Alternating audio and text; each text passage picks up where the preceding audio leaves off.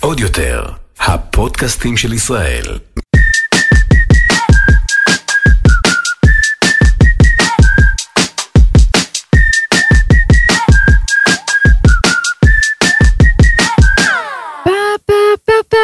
אני לא אצא. מזה, רחל גט סולומון, רעות תורג'מן, קריירת אה, שירה או הלחנה. פרק של מתלבשות על זה, איזה כיף שאתן ואתם, פעם שעברה עשינו רק עם נון סופית, אתן, אתן, אתן, ואנחנו יודעות, יודעות לגמרי. שיש גם אתם, ממש, מם. ולא רק שיש אותם, מתלבשים הם נורא על זה. אקטיביים. מה זה אקטיביים? תקשיבי, כותבים יותר. מהבנות, כן. וכמה ידע, איזה כיף. כמה איזה ידע, כיף איזה- שיש גברים כאלה. ממש גברים אה, מנצ'ים, אה, ככה אומרים את זה. כן, לגמרי. I don't come from Poland.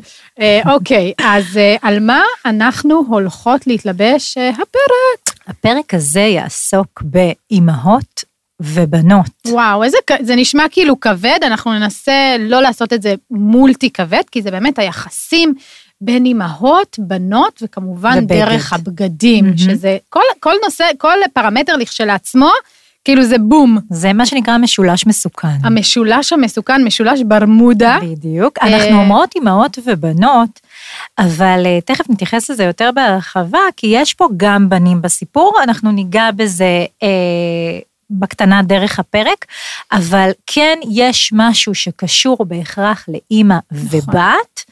אה, וגם הבנים נמצאים פה באמצע, תכף נראה. אנחנו חושבות כנראה לקרוא לפרק הזה אימא בונה, אימא הורסת. אישה כנראה- בונה.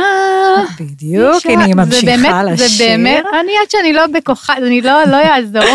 אז אימא בונה, אימא הורסת, ועכשיו אנחנו נצלול פנימה נכון, ונבין איך, למה, נכון. כמה. אז בואו נתחיל אה, כהרגלנו קצת אה, פרספקטיבה עמוקה יותר, בואי כן. קחי את זה מכאן, אוקיי. באמת אה, במבט היסטורי או... אה, אני לא יודעת אם אני אדבר במבט היסטורי, אבל אני כן רוצה לגעת בדיון הפמיניסטי בנושא האימהות. האימהות והקשר שבין אימא ובת בהקשר הפמיניסטי. כן. אה, אז, אז באמת הדיון הפמיניסטי בעניין הזה הוא, הוא מאוד מאוד רחב באימהות.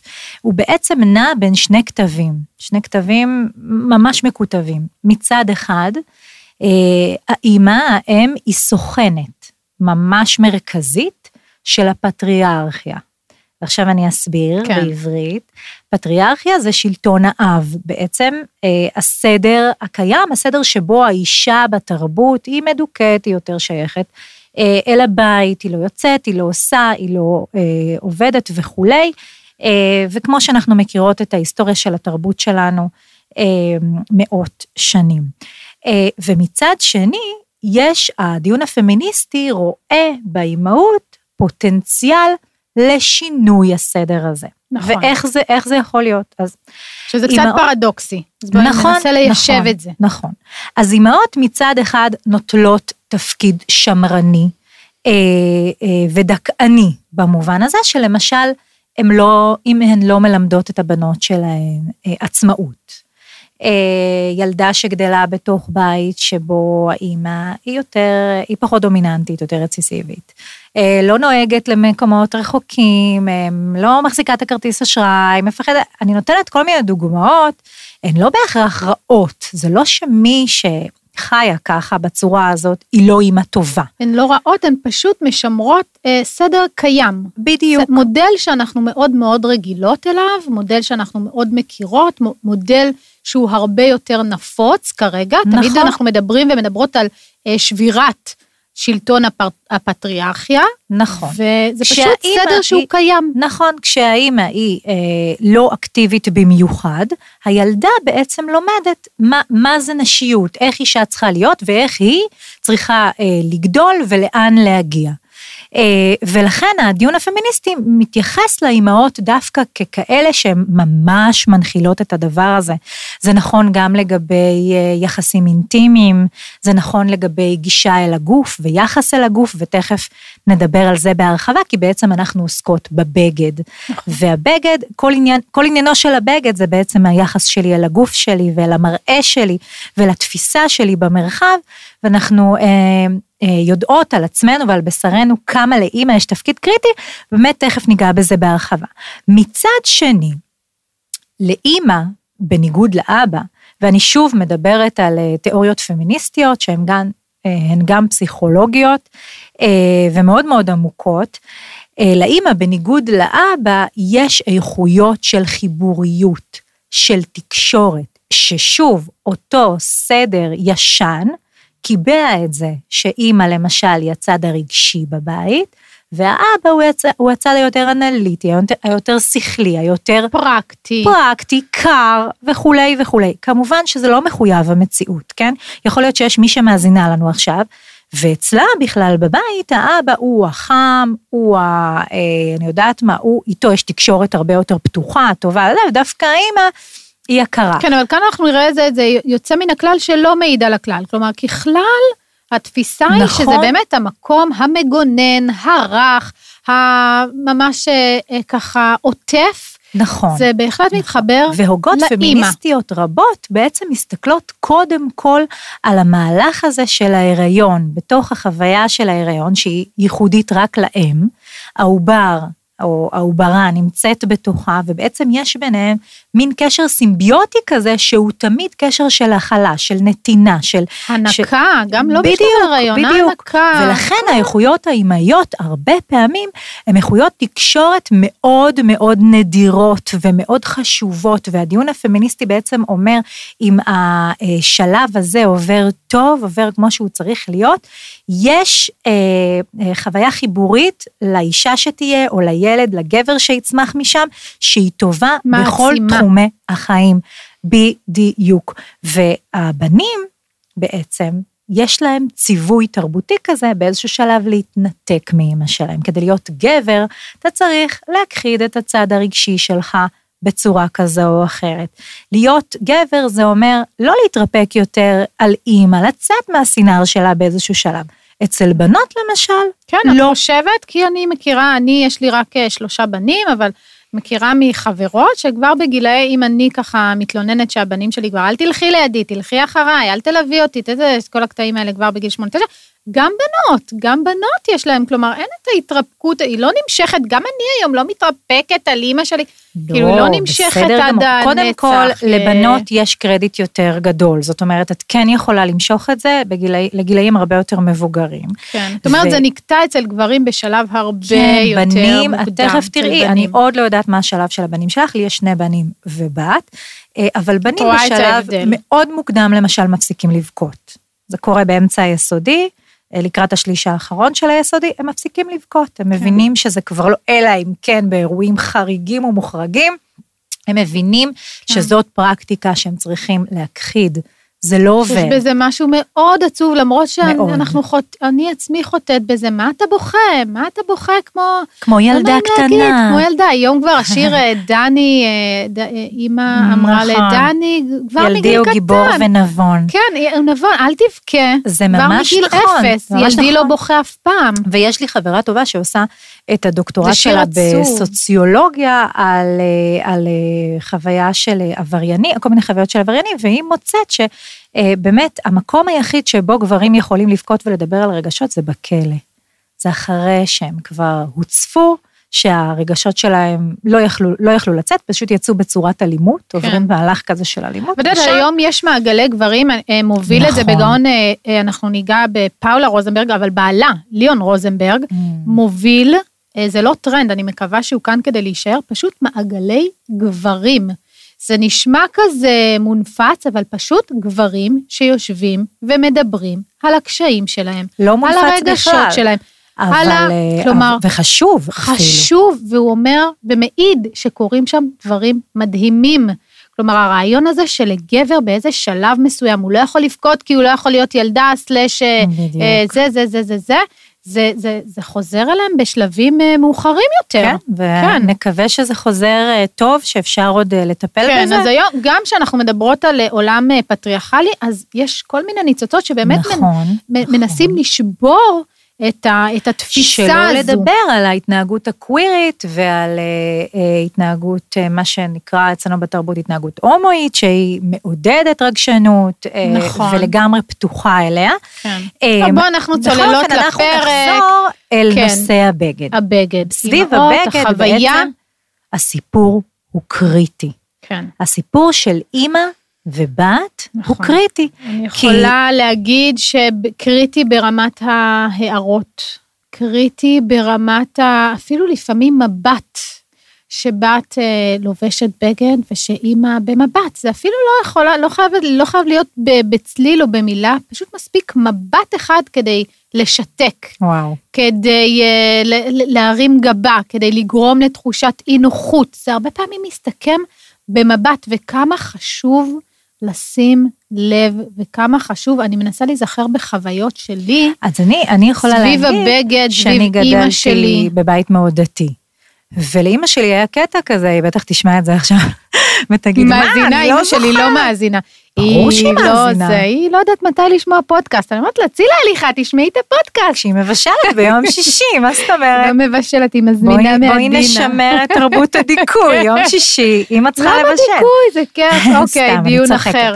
אה, אבל אה, כן, אני אוקיי, אומרת, אימא שלי. כן, גדלתי בבית דתי, כמו שאתן יודעות ויודעים, אה, ולאימא שלי היה קטע כזה, שכל פעם שלבשתי משהו שהוא לא בדיוק לפי חוקי הצניעות, היא הייתה, היא פשוט הייתה אומרת שזה ממש לא יפה. אוקיי. זה לא יפה, זה פשוט לא יפה בעיניי. ועד היום, ממרום גילי המופלג, אני, כש, כל פעם שאני לובשת חולצה שהשרוולים שלה אולי קצרים, שמפתח הצוואר שלה אה, עמוק, אה, אני שומעת את אימא שלי מהדהדת? אומרת שזה לא יפה. וואו. שאם זה היה קצת יותר סגור, זה היה הרבה יותר יפה. כמה שנים אחרי. מטורף, וואו, זה וואו. פשוט מטורף, ואני גם יודעת, ואני שומעת מנשים שאני מראיינת גם לאורך הדוקטורט, המקום הזה של ההערה הקטנה, אגבית, העדינה, אגבית, זה אפילו כן. לטובתך. בדיוק, אני, אני פה בשבילך, ואם את תמיד צודקת הרי, אז זה מלווה שנים, שנים, עשרות שנים, ואפילו הרבה פעמים, ראיינתי נשים גם מבוגרות, הרבה פעמים אחרי שאימא מתה, נפטרת, הולכת לעולמה, שם. היא עדיין בתוך עולמך. כן. לגמרי.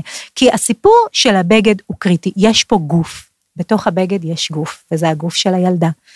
והגוף של הילדה במהלך שנות אה, התבגרותה וילדותה, אה, הוא, הוא בעצם נושא מאוד מאוד טעון. אה, והיום זה גם יותר מוקדם, אם פעם גיל ההתבגרות היינו אומרים 13, 14, 15, 16, היום ילדות בנות שבע, שמונה, כן, כן. זה לגמרי מתחיל, לחלוטין, לגמרי לגמרי מתחיל. שם. עכשיו, יש עוד עניין. בעצם, כמו ששרטטנו משולש, אימא, אה, בת, אה, בגד. יש בתוך המשולש הזה, בין הצלעות שלו, יושבת שם למשל גם המראה, שהיא קריטית במובן הזה, שאם אני אחזור, אני אחפור לכם עוד קצת פסיכולוגיה. ונחזור אל ז'אק לקאן, שהוא אחד מהפסיכואנליטיקאים החשובים אחרי פרויד, שהוא בעצם אומר ששלב המראה הוא השלב הקריטי. מה זה שלב המראה? השלב שבו התינוק, שנישא על ידי אמו, מסתכל אל המראה, פעם ראשונה מבין שהוא ואימא שלו זה לא גוף אחד, הם, כן. הם לא ישות אחת. עד עכשיו הוא היה בתוכה, הוא יצא ממנה, הוא ינק ממנה, הוא והיא זה אותו דבר.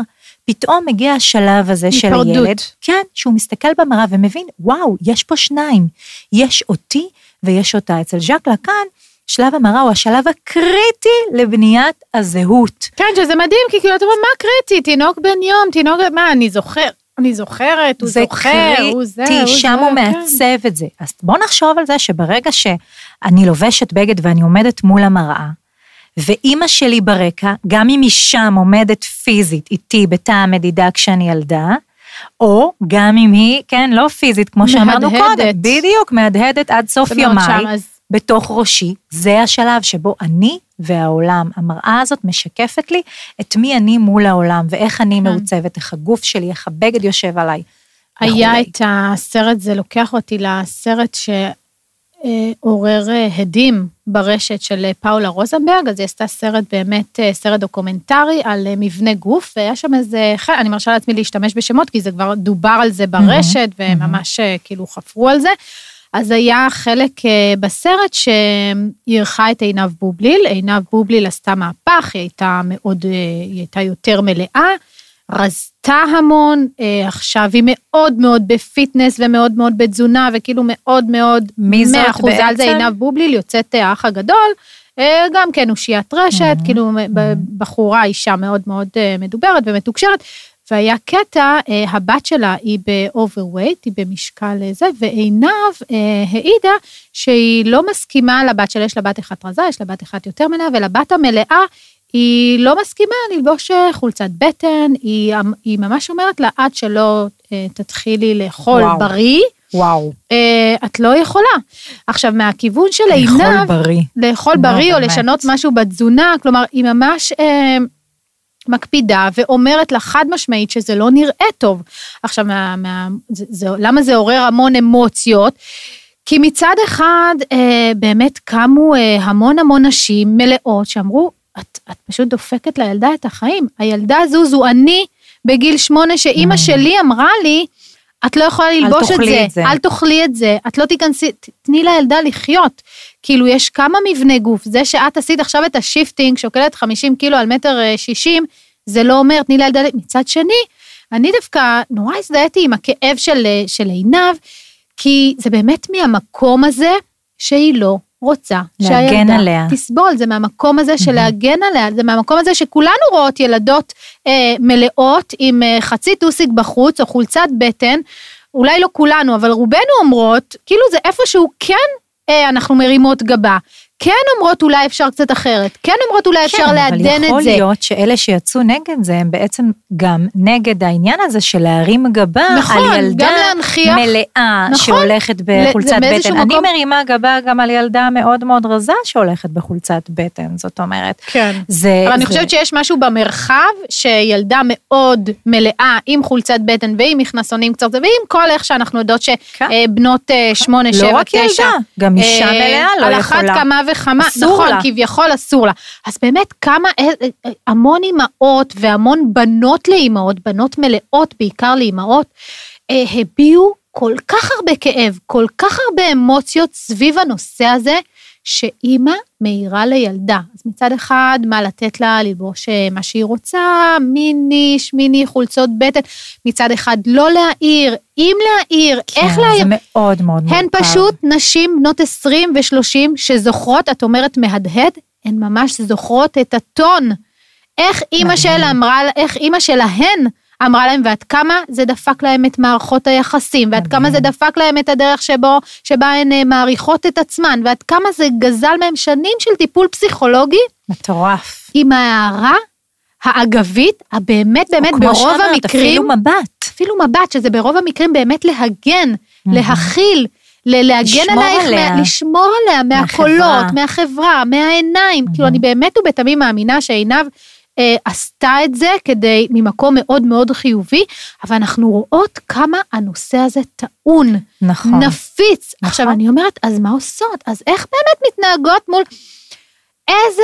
איזה, זה, זה, זה ממש כאילו איך פועלות כדי באמת. לאפשר ו- ו- לילדה לחיות בשלום עם עצמה, ושלא הקול הזה יהדהד. נכון. הרעיון הזה שהקול של אימא שלך מהדהד לך עשרות מדהים, שנים זה מדהים. אחרי, שאת יכולה תראי. לפתח אה, הפרעות אכילה ובולימיה ואנורקסיה ו- ואוביס. כן, ו- והפרעות עם בני זוג. והפרעות עם בני זוג וטיפולים בכלל פסיכולוגיים. בגדים, בכלל, עם ובגלל בגדים. ההערה, ההערות, ההערה הזו של נכון. האימא, עד כמה זה מורכב. אז הדיון הפמיניסטי הזה בעצם שנע בין שני הכתבים, שמצד אחד האמא תמשטר אותך ותגיד לך לא ללבוש את זה עד שאת לא אוכלת בריא. אוכלת בריא, זאת אומרת, כן, עד שאת לא מאוד כאילו, רזה. לכי תעודדי אותה אה, עכשיו. ומצד שני, אה, אימא שיכולה להכיל הכל וזה.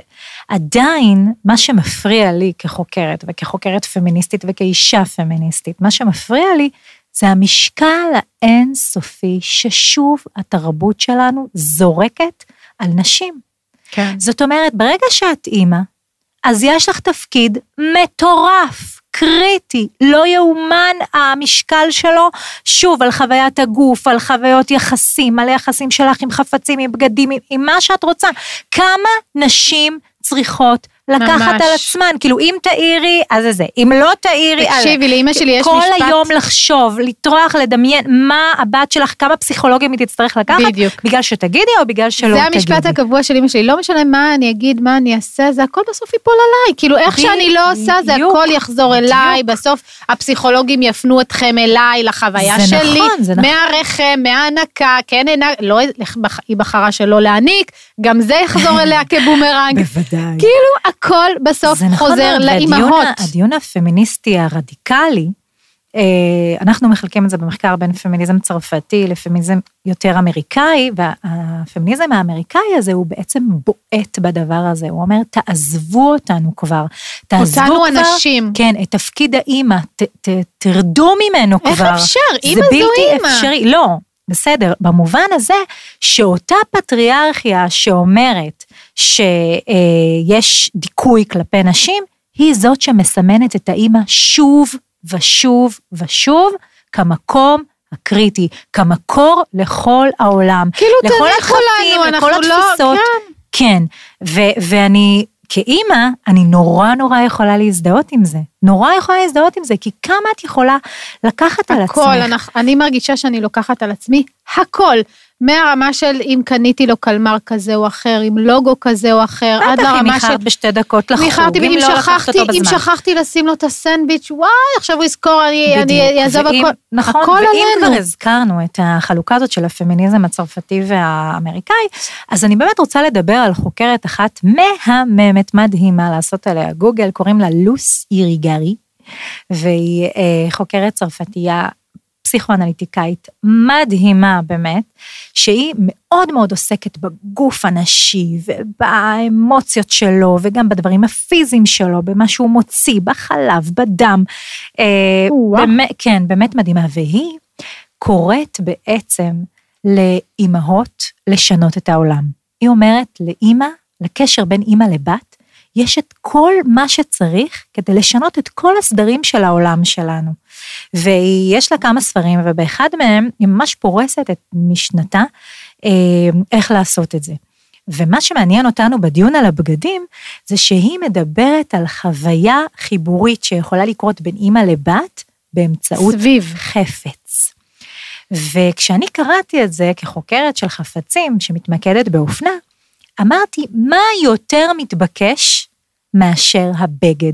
כי הבגד מבחינתי הוא החפץ, הוא כאילו החפץ הנשגב, הראשון במעלה. זה הבגד, כי יש לו באמת את הקשר הזה לגוף. ואם דיברנו על זה שלאימא ולבת, הגוף נמצא שם כל הזמן ביניהן עוד מטרום לידה, כן? זה הגוף, קודם כל אנחנו מחוברות בגוף. אז באמצעות הבגד, באמצעות הדיון בבגד, וכמו שהזכרת קודם את האימא של כן חולצת בטן או לא חולצת בטן, באמצעות הדיון הזה בחפץ כזה, בחפץ לביש, הקרבה יכולה להיות אינסופית. כן, ו- זה- וממש אה, חיבור מדהים, אבל אני פה יושבת ומלרלרת לי על אימא ובת, אבל הזכרת כבר קודם שיש לך שלושה בנים. נכון, אני, אה, אני, אין לי את החיבור הזה, אין לי איך כאילו להתחבר עם בנים, זה דריל שונה לחלוטין. אבל יש לך אימא. יש לי אימא. החיבור שלי, ניסיתי באמת לחשוב לקראת הפרק, ידעתי שאנחנו הולכות להקליט, כלומר, את הפרק הספציפי הזה, ובאמת, מה הזיכרון שלי סביב הבגד, ובהתחלה כאילו היה נדמה לי שאין שם כלום, כי אוקיי, יש את ארון הבגדים של אימא שלי, ויש אותי, ויש את המינימליזם שלי, ויש את. ואז שחפרתי יותר, אין דבר כזה הרי שאין שם כלום, זה לא נכון, קיים. נכון. איזה, זו פיקציה שאנחנו מאכילות את עצמנו, או מדחיקות, או כאילו דוחפות לאיזשהו לגמרי. תא. אין דבר כזה באמת שאין שם כלום. והחוויה שלי, כאילו, מאימא שלי ומארון אה, הבגדים שלה, היא נורא נורא מיוחדת. אימא שלי, אה, במשך כל הילדות שלי, אני זוכרת, קודם כל היא הייתה רק תופרת. וואו. היא כמעט ולא הייתה קונה בגדים. היא הייתה תופרת, ואני זוכרת עשרות קולבים של בגדים שנתפרו למידותיה. היא הייתה, היה לה סגנון מסוים שהיא אהבה, אה, מכנסיים מחויטים, וכמו וסט, וסט מכוחי. ואני ממש זוכרת וואו. את הווסטים, את הנצנוץ, היה לה בכסף, והיה לה בזהב, והיה לה רקום, והיה לה בשחור, וזה ככה היה מסודר. הווסט עם הכפתורים, הרקומים האלה, עם, ה, עם הבד המנצנץ, וזה פשוט היה אושר אינסופי. ואני זוכרת אותה הולכת, תופרת, זה מגיע custom made למידות שלה. עכשיו, לא הייתה לי איזושהי חוויה, לא הייתי מודדת את הבגדים האלה, לא הייתי לובשת אותם, לא. אבל הסיפור שלה מול ארון הבגדים שלה היה מאוד מאוד כאילו קוטור. איזה יופי. מאוד מאוד אה, מותאם אישית, היא לא הייתה קונה, היא איך הייתה... יצא לה ילדת זרה? אני היא לא הייתה מבינה את זה. תופרת. עכשיו תשאלי אותי מה היא עשתה, קודם כל היא עלתה, הכפילה את עצמה במשקל, אז כאילו מן הסתם זה כבר לא אצלה, Mm, אבל החוויה הזו של ממש מקסים. לתפור בגדים, ואני אומרת, מה קרה שם באמת עם השפע הזה והאושר, אולי, אני לא יודעת על מה לשים את האצבע, אם זה קשור למינימליזם שלי, בטוח יש איזה... לא רק מינימליזם, לטעם שלך, את זה. לעיסוק שלך בבגדים, לעיסוק ממש. שלך בארון, אבל זה באסתטיקה. פשוט, שחשבתי שאין שם כלום, לקחתי את עצמי לגיל 10, איזה 11, יופי. 12, וגיליתי פתאום עולם, מדהים. ממש עולם. אז זו החוויה שלי מאימא שלי, הרעיון הזה של התפירה, של, של התפירה, של, ה, של ההתאמה האישית, של ה... באמת משהו לקשרי כזה. אין וואו. דבר כזה לקנות, הכל אתי, אתי. עמר, הולך, התופר זה, זה באהלן קונה את אהלן. הבדים, כן, זה נחלת גזרות. בנימין, תקשיבי, פעם, אני לא יודעת, היית אולי מלווה היום. אותה לקנייה? לא, לא הייתי מלווה, אבל אה, נחלת בנימין. כן. זה ללכת ולבוא עם בד, ולכל אירוע זה, זה עוד הפעם לשבת ולתפור. איזה וזה יופי. כאילו, מדהים, מדהים, מדהים, לי מדהים. כבוגרת המחלקה לאופנה מצד אחד זה עושה וואו איזה יופי מצד שני לילות לבנים אימא'לה מכונת תפירה כן, תיקחו אותי מפה. תיקחו אותי מפה. אה, אבל כן אני חושבת על החוויה שלי עם אימא שלי וסביב בגדים אני חושבת שהיא עיצבה אותי קודם כל אני בטוחה שהיא עיצבה אותי מבחינת, מבחינת ה- הטעם האישי? המתלבשת, אבל היא גם עיצבה אותי כאדם, כאישה, ואני אה, אספר עכשיו את ה... בעצם את ה, אחד האירועים, שהוא היה טריוויאלי בחיי, אבל פעם סיפרתי אותו למישהי, והיא הסתכלה עליי כאילו נחתתי מהירח, ואני חושבת מה, שהיא מה, מה, ממש? עיצבה לי גם את הביטחון שלי כאדם. אה, הייתי ילדה קטנה, גרנו אז בחור שקוראים לו שלומי, שזה קצת צפונית לנהריה, אה, אבל אימא שלי היא במקור מירושלים, אז כל פעם שהיה איזה אירוע משפחתי או משהו כזה, איפה קונים בגדים? כמובן, בירושלים, יש עיר. אחת בעולם שקוראים לה ירושלים, כל השאר זה, זה סתם. אה, אז אימא שלי צריכה לקנות אה, בגד לחתונה של אח שלה הקטן, ואנחנו נוסעות לירושלים, אני והיא, באוטו. אה, כמובן, אימא שלי נהגה, אבא שלי אף פעם לא נהג. ש... וואו, כן, זה גם, אפרופו שוב, משטר אה, בדיוק, דיכוי, משטור. פטריארכלי. בדיוק. אה, אנחנו נוסעות לירושלים, אנחנו עוברות חנות חנות, אימא שלי מודדת מה שנראה לה, אני יושבת שם, והיא יוצאת מהתא ואומרת לי, נו, מה את אומרת? עכשיו, שימו לב, אני בכיתה ב', והיא שואלת לדעתך. והיא שואלת אותי, היא לקחה אותי, רק אותי במיוחד, אני בת בכורה. וואו, אה, זה מעצים, לא? ועוד פעם, ועוד פעם, ועוד פעם, ואת זה, ולא את זה. בסופו של דבר היא קנתה חליפת חצאית מאלפת בצבע אדום אה, מסטיקי כזה טיפה, אדום פסטלי.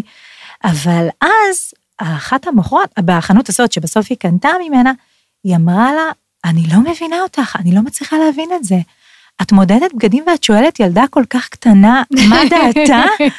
ואימא שלי אמרה, כן, היא, היא יודעת, היא יודעת מה מתאים לי, היא יודעת מה יפה. מדהים, וואו. ו, חוויה ו- מכוננת, לא? חוויה מכוננת, ו, ולא רק חוויה מכוננת, אני חושבת שבאמצעות זה אני פיתחתי את הביטחון שלי בעולם. זאת אומרת, אני, יש לי say מגיל אפס, כן. והוא רלוונטי. והוא חשוב, והוא קיים, ואני נוכחת, ורואים אותי. כמה ואני חשוב. לא ילדה קטנה כזאת שאין לה טעם, שמה היא מבינה בבגדים. אני יכולה להגיד לך שעד היום, אה, למשל שאני בוחרת סטים, אפילו לפודקאסט, אני מתייעצת עם נור, הבת שלי, היא עולה עכשיו את לכיתה ו', עושה את זה היא כבר במודע, גדולה. או ש... אה, היא נורא נורא רלוונטית מבחינתי, יש לה טעם טוב, היא עפה על עצמה בבגדים, ו- והיא ישר תגיד לי, אמא, זוועה, לא, לא, או אמא, וואו, מהמם. אני חושבת שאפשר לקחת מזה משהו, גם מי שזה לא בא לה באופן טבעי, הנושא הזה של לשאול ילדה בת אה, חמש, שש, שבע, מה דעתך, אה, הנה, את. הוכחה חיה וקיימת, עד כמה עשרות שנים אחרי, זה הצמיח אותך, ממש. זה, זה נתן לך בוסט של ביטחון, זה יצר לך איזשהו עמוד אה, שדרה כזה של, ש, שיש לי דעה. נכון. אז גם ממי שלא באזורים האלה, שווה אה, לאמץ את זה. זה נכון מאוד, ושוב, כטיפ. אני חוזרת, אנחנו מדברות על בגדים, אבל תשימו לב, אני מרגישה שהחוויה הזאת סביב הבגדים של אימא שלי, היא חוויה מכוננת לכ- לכל החיים, ורלוונטית לכל תחומי החיים שלי. זאת אומרת, הבגד, כמו שאמרתי קודם, הוא קריטי, הוא המקום הראשון שבו אנחנו נפגשות עם הגוף, ולכן טוב להתחיל שם, אבל בהכרח תהיה לזה השפעה על כל תחומי החיים. ועכשיו אני חוזרת אלייך, אל זה שיש לך בנים. ואני חושבת שסוף סוף אנחנו כבר בשלות, והעולם בשל איתנו, לפתוח גם לבנים. ואם כן. את יכולה לעשות את זה גם מול הבנים שלך, למשל, להלביש את הבן הקטן ולשאול את הבן הגדול, מה אתה אומר? זה אז- נראה טוב? אז אני יכולה להעיד, אצלי יש לי אחד אה, פאשניסט ואחד כאילו אהלן אהלן, לא יודע איפה הוא גר, ינאי בכורי, הוא ממש פאשניסט, ואין פעם שאני לא, גם אם אני קונה משהו חדש, זה לא קורה הרבה, הוא שם לב, הוא מושלם. מעיר, הוא אומר לי מה לבשתי, איך לבשתי, הוא זה, ואני מקבלת את זה, מרימה לו על זה, כאילו, זה באמת, באמת. אה, זה באמת באמת שם. אני מנסה לחשוב, כאילו, דיברת על הערות של אימא, אני יכולה להעיד שמעולם לא שמעתי אה, מאימא שלי הערה כזו או אחרת. לא חשוף מדי, לא קצר מדי, וואו. לא עם חזייה, לא בלי חזייה, והיו לי תקופות כאילו של אה, שיגעון. הוללות. לא הוללות, אבל בפורים חופשי התחפשתי פעם אחת לסאדו מאזו, ועם השסע, ועם המחשוף, ועם... מה את אומרת? מעולם לא... לא תורג'מן. כן, היו לי הכרתם. תקופות, חכו, זה רק אה, תחילת העונה. היו תקופות, והיא פשוט, אני חושבת שזו הייתה איזושהי אסטרטגיה, וזה גם כן בנה אותי. ידעתי שלא משנה, עכשיו אנחנו מתייחסות על אה, זה כאילו בגד, אבל אם לקחת את זה למשהו קצת יותר על בגד היא בחיים לא העירה לי. כלום, כלום, כלום, כלום, כלום. ממש אפס, אפס הערה. לא משנה מה, אפס הערה. ולא השתוקקת קצת מדי פעם? לא, זה תמיד היה מחמאה, אבל אף אה, פעם לא הורידה. אה. אף פעם לא הורידה, אף פעם- ב- ברמה של אה, לא חשוף מדי, לא קצר מדי, לא, והיו תקופות שכן, שאני בדיעבד כאימא כן הייתי אומרת, מה זה, מה זה בלי? זוועת. מה זה חשוף? מה. זה המיני? מה זה השסע? גם אם זה פורים, מה זה זה? והיא לא אמרה. עכשיו, הרעיון הזה שלא משנה מה אני אלבש, לא תהיה ביקורת שלילית, זה משהו שלקחתי איתו יותר עמוק, כאילו, כי זה גרם לי איפשהו להבין שלא משנה מה אני אעשה, יקבלו אותי. כן. לא רק. בגזרת הלבוש, את מבינה? כאילו זה ממש לקח את זה יותר עמוק. לא משנה מה אני אעשה, גם אם ברמת המחשוף, חצי תחת, לא משנה, זה, גם עד כמה שזה יהיה אקוטי, גם בחיים עצמם, לא משנה איזה פעולה. אני מה אעשה או תבחרי, לא אעשה, מה אני תהיי, במה אבחר, תעבדי. היא תמיד, אה, היא זה- תמיד זה שם, מאוד, תמיד שם כדי. לקבל את זה. מכאן העומק, מכאן החשיבות, מכאן הרעיון הזה של אם לחזור לעניין הלהעיר, או איך להעיר, או אם להעיר, לא, לא היה את זה. לא משנה מה עשיתי, אף פעם זה לא היה, תורידי את אז זה. הנה, גם עכשיו את מחזקת את מה שאנחנו אומרות, שבעצם לגמרי. הקשר סביב הבגד, אוי, הוא משליך. על כל על תחומי ממש. החיים, כי זה חיזק בך את ההבנה שלא משנה מה, ממש. תמיד יקבלו אותך, את נכון. תמיד בסדר מבחינתה. ואני רוצה רק להגיד שבעצם הסיפור הזה הוא בעצם המקום הראשון, האימא היא המקור הראשון, היא המקום שאליו אנחנו אה, פונות, ואליו אנחנו נושאות עיניים כשאנחנו קטנות, כי זה המודל שלנו. תקשיבי, אבא שלי בכלל לא יודע בת כמה אני, אבא שלי לא יודע מי אני, מה, אבא שלי כאילו בבועה אמיתית לא, אז אצלי זה. הפוך, אבא שלי יודע את שעת הלידה שלי, כמו של ששת אחיי הנוספים, כמו של כל הנכדים שלו, כל אחד לא, מתי הוא נולד באיזה טוב, שעה אתם, אה, וכולי. אנחנו יודעים שאתם זה לא כאילו המשטר, מה? ה- לא, אימא שלך נוהגת, אבא שלך לצידה. נכון, כאילו נכון, זה לא נכון, הזה. אבל כן, שוב, אימא היא המודל הנשי ואליה את נושאת כן. עיניים. נכון, וכשאת נכון. נושאת עיניים לשם, זה המקום הראשון שלך, זה המקור לתפיסת הגוף, הלבוש, הגוף לגמרי, הלבוש. לגמרי. אז, אז, אז בעצם יש כאן גם אספקטים של חינוך, כמו ששתינו הזכרנו, חינוך למי את, לזהות, לאני שלי, לגיבוש כשאת שלו. אומרת אה, זהות, אז אה, זה מזכיר לי את הטרנד הזה של אה, טרנד ה mini-me, את מכירה? טרנד ה mini-me, שמדברים על זהות. שלום ביונסה. ביונסה, לא רק ביונסה, ביונסה. קים, כולן, כולן, בוא, בוא נזכיר את הטרנד, בוא נ... כאילו רק אה, למי שלא מכירה, זה באמת להלביש את הבת שלך אה, בצלמך ובדמותך. היום, גם לא רק ביונסה, היום אני רואה כל אה, בלוגרית שלישית, או אפילו לא נכון. זה בלוגרית. התחיל מבתי אופנה גדולים, שבעצם mini-me, מייצרים גרסה. קטנה. ל... אבל זה העתק הדבק, זה לא אז זהו, בוורסיה זה שונה. התחיל כהעתק הדבק. זאת כן. אומרת, אותה אה, שמלה לאישה במידה 40, 42, ולילדה במידה 6, 8 וכולי. כן, והיום יש כבר ממש קולקציה שלמה של בגדי ים, נכון, אני אבל מכירה. היום, היום, אה, דווקא בתי האופנה הגדולים עושים דברים מאוד יפים. זאת אומרת, השמלה לאימא, לאישה הגדולה, היא תהיה משהו אחד, והשמלה, גרסת המינימי של הילדה הקטנה, היא תהיה עם איזשהו טוויסט. זאת אומרת, זה כן, או זה לא יהיה. יגביר איזשהו אלמנט בשמלה, בשמלה של האימא, או ישלים אלמנט בשמלה של האימא, זה מאוד, כמובן שזה מאוד מאוד חמוד, אה, מאוד מדליק, כן, אבל מאוד אם כיפי. לצלול יותר, אז באמת מבחינת הזהות, מה זה עושה? מיני-מי. מיני-מי, מיני-מי. מה קורה שאני כן. מלבישה את הילדה כן. שלי בצלמי ובדמותי? כן. האם זה, זה באמת. נשמע, שכפול, Mhm. באמת עד כמה יש מקום לטעם האישי שלה. כי ילדות בנות אה, שלוש, ארבע, חמש, הן לא באמת יכולות, אה, זה, זה באמת נראה מאוד חמוד ומצטלם מאוד טוב. נכון. אני חושבת שבאמת עד כמה רחוק לוקחים את זה, גם תראי, פה יש צריך- חרדיות, למשל באירועים של אה, חרדים, אוי, חתונות שהן וכולי. נראות כולן... זה לא אוי, אני חולה על זה, דבר, כאילו כן. יש את האימא, לא, היא בוחרת שמלה, סליחה, היא בוחרת שמלה, נגיד צהוב וורוד, אוקיי? עם אלמנט כלשהו ורוד, אז הילדות הקטנות, מה זה ילדות קטנות? מגיל 16 ועד תינוקת בת שבעה חודשים, הן כולן תלבשנה שמלות. עם האלמנט הזה, כן. וזה מקסים. זה כן. מקסים המינימי הזה, אבל את צודקת שבעצם ה- המו- אפילו עצם המונח הזה, נכון, מיני-מי, אני כאילו, בקטן. כן, מגדירה את גבולות הזהות של הבת שלי אה, אה, באני שלי, בעצמי שלי, או האם אני יכולה לתת לה אה, לפרוח ולהיות אה, מישהי אחרת. אני חושבת שעם זה אנחנו כבר די יכולות אה, לסגור את הפרק הזה, כן. אה, ושוב להגיד, כן, בטוח כבר נקרא לו אימא בונה, אימא הורסת, עם, עם כל כובד המשקל, כמו שדיברנו על זה קודם, והחוסר פריות הזה שיש על נשים, שזה או שאת בונה, או שאת הורסת. כן, כאילו, די, אפור, שחררו אותנו אפור, כבר. לא רוצה אפור. לבנות, לא רוצה להרוס, רוצה סתם להיות, סתם. אין סתם, את אישה, להתקיים. תשלמי על זה. אבל, אבל אין מה לעשות, איך שאנחנו אה, מרגישות עם עצמנו ועם הגוף שלנו, קשור בהכרח לאימא שלנו, ואנחנו שומעות נכון. ורואות את זה אה, שוב ושוב, ובסופו של דבר, אני מול הארון שלי, זה אני מול מקום. אימא שלי. נכון מאוד, ולכן אני גם חושבת, שוב פעם, אה, שזה יהיה לנו תמיד אה, אימהות לבנות, שזה תמיד יהיה במחשבה.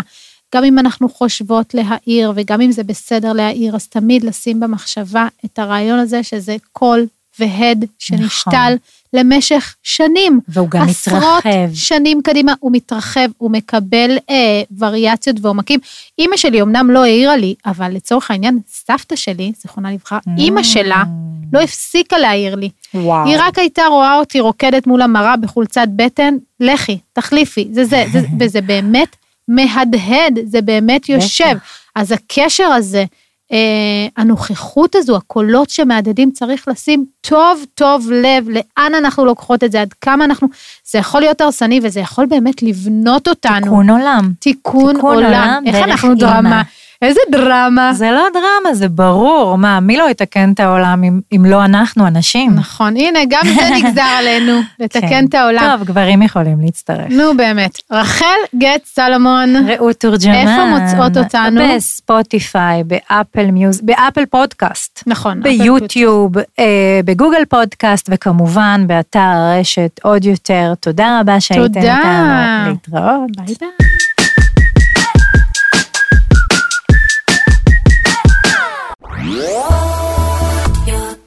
עוד יותר, הפודקאסטים של ישראל.